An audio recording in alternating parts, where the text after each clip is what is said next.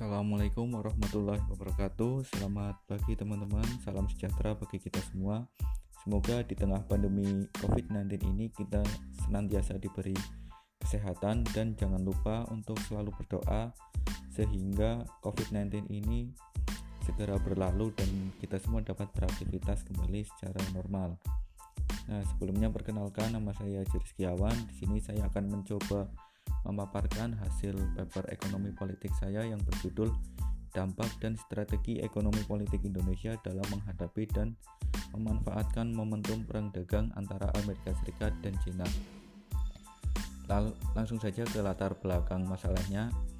Jadi perang dagang yang terjadi antara Amerika Serikat dan China itu diawali dengan Amerika Serikat yang menaikkan bea impor tinggi kepada produk asal China pada awalnya dikenakan 10% dan kemudian naik menjadi 20%.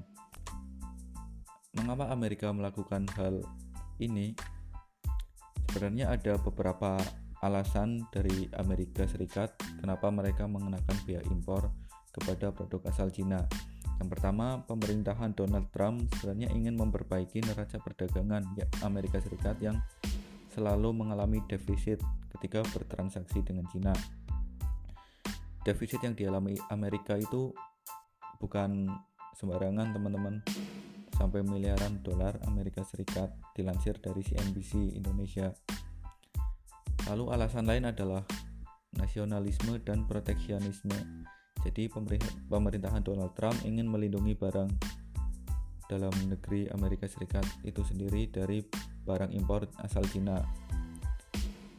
Dengan biaya impor yang tinggi tentu akan membuat permintaan produk asal Cina menurun di Amerika Serikat dan konsumen akan lebih beralih ke produk dalam negeri sendiri.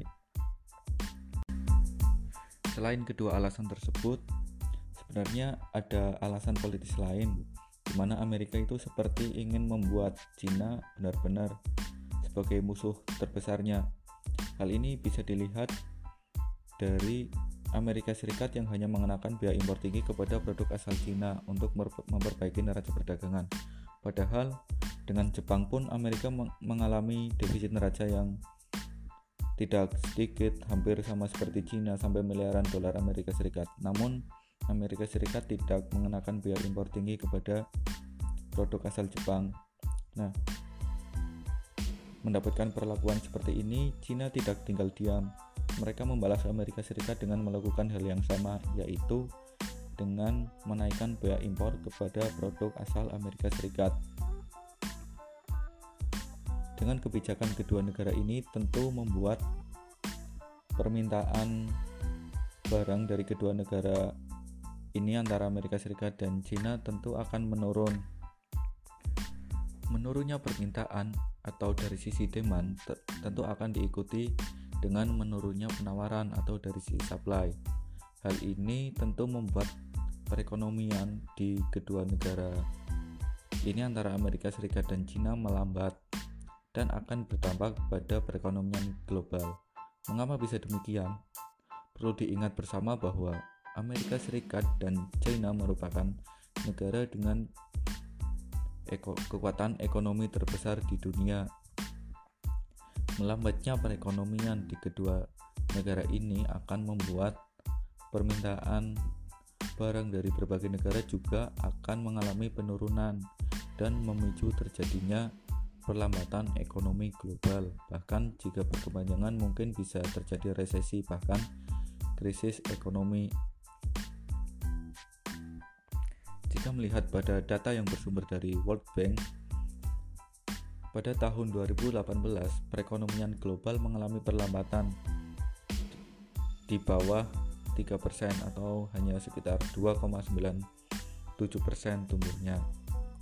Hal ini salah satunya dipicu karena ketidakpastian ekonomi global akibat perang dagang antara Amerika Serikat dan China. Lalu bagaimana dampaknya terhadap Indonesia? Perlu diingat juga bahwa Indonesia merupakan mitra dagang antara Amerika Serikat dan Cina. Sedikit banyak pasti akan terpengaruh dari kondisi ini.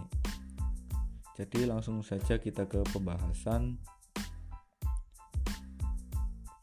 Sudah barang tentu perang dagang yang terjadi antara dua negara dengan kekuatan ekonomi terbesar di dunia itu berdampak buruk bagi ekonomi global Hal ini tentu membuat kekhawatiran juga bagi Indonesia mengingat Indonesia merupakan mitra dagang dari kedua negara tersebut.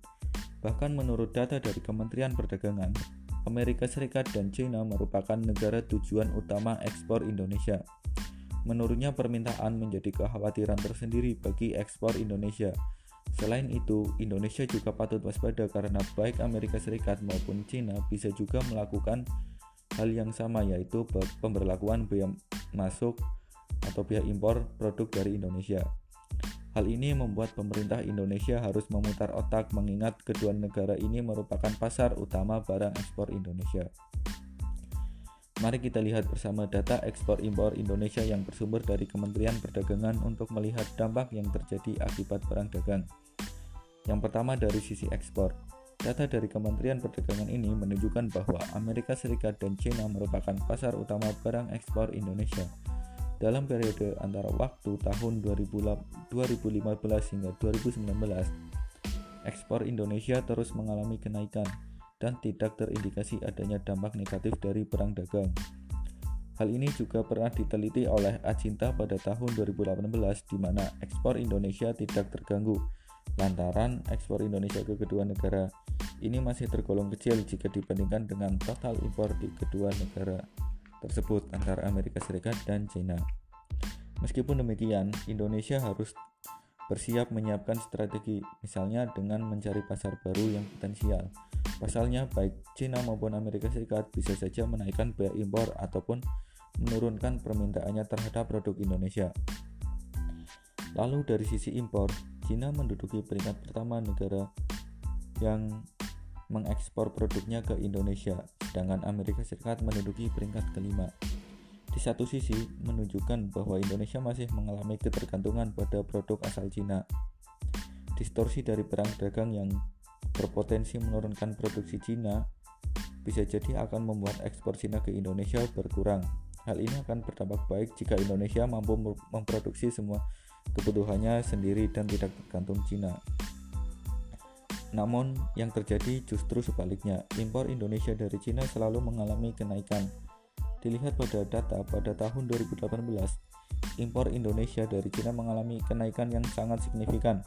Hal ini mengindikasikan bahwa Indonesia merupakan pasar baru bagi produk-produk asal Cina yang dikenakan biaya masuk tinggi oleh Amerika Serikat.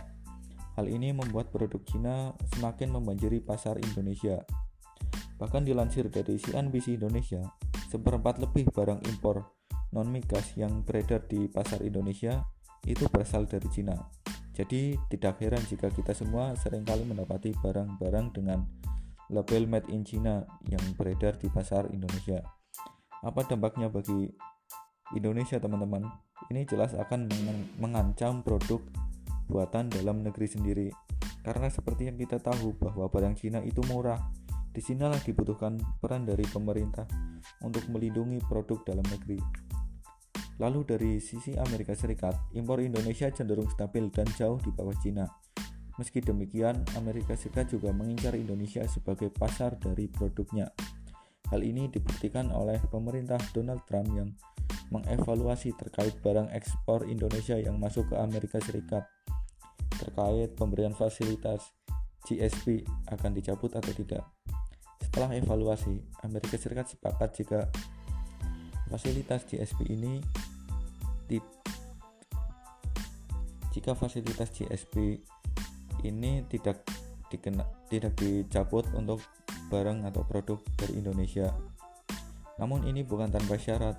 Sedikitnya ada tiga syarat yang dituntut Amerika Serikat jika fasilitas GSP tetap diberikan, antara lain yaitu kemudahan akses pasar, jasa, dan investasi.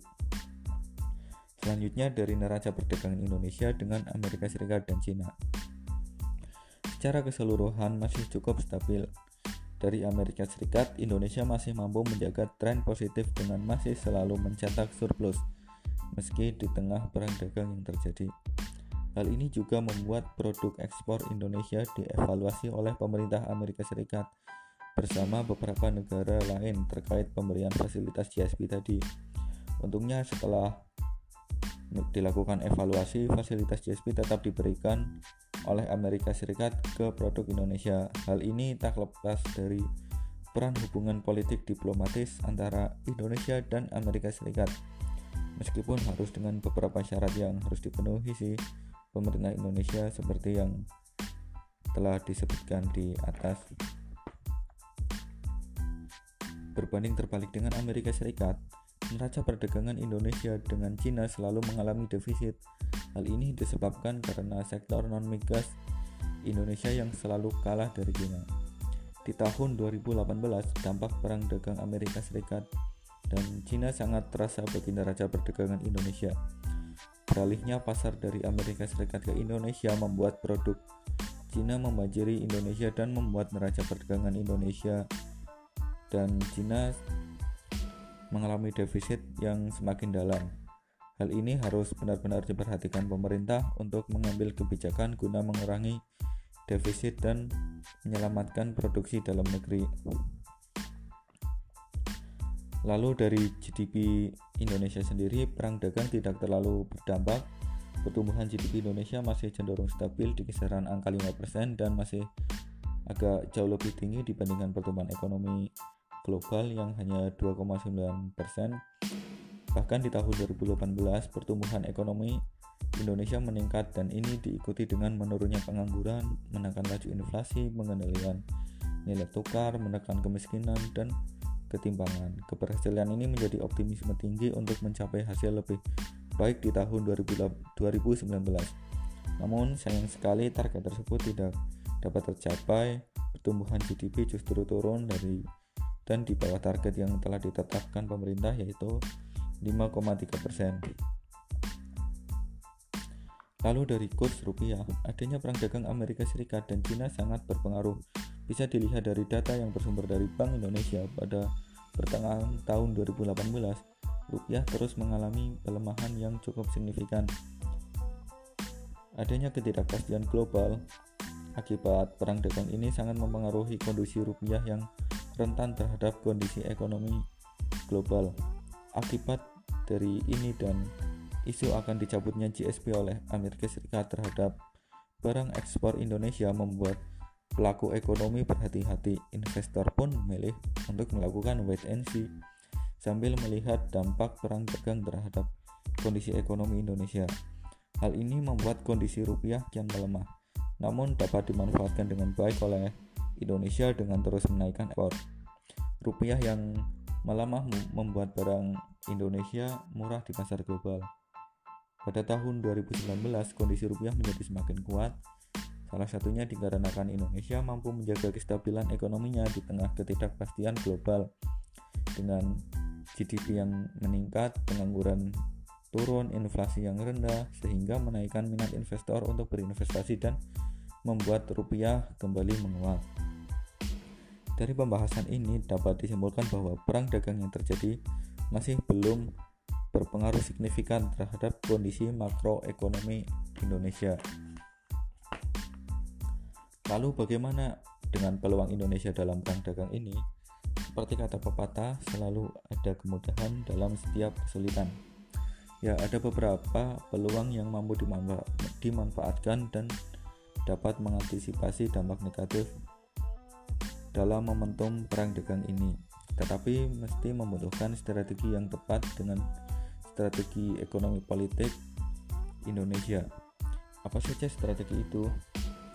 Yang pertama, mencari pasar baru sebagai tujuan ekspor produk Indonesia melalui strategi ekonomi politik dengan memperkuat hubungan diplomasi ke berbagai negara yang potensial. Yang kedua, meningkatkan hubungan diplomasi baik dengan pemerintah Amerika Serikat maupun Cina untuk menjaga ekspor barang Indonesia ke kedua negara tersebut. Yang ketiga, meningkatkan ekspor untuk barang pengganti dari Cina yang dikenakan bea masuk di Amerika Serikat, begitupun dengan Cina. Pemerintah harus jeli dalam mengambil kebijakan untuk menyelamatkan produk dalam negeri di pasar nasional di tengah membanjirnya barang impor terutama dari Cina. Yang kelima, meningkatkan kerjasama regional dengan negara-negara di Asia. Yang keenam, pemerintah harus lebih berperan dalam memberikan insentif kepada perusahaan untuk meningkatkan kualitas produk Indonesia.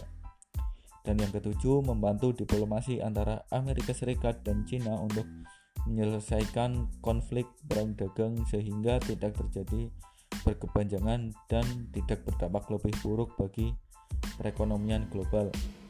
Nah, sebenarnya perang dagang antara Amerika Serikat dan Cina sudah berakhir pada awal tahun 2020 kemarin setelah Amerika Serikat dan Cina sepakat menandatangani nota perjanjian namun akhir-akhir ini hubungan kedua negara tersebut kembali memanas lantaran saling tuduh adanya COVID-19 ini atau pandemi yang sedang berlangsung ini. Tapi itu tidak dibahas dalam paper ini dan saya cukupkan sampai di sini saja pembahasannya. Kurang lebihnya saya mohon maaf. Bila taufik wal hidayah. Wassalamualaikum warahmatullahi wabarakatuh.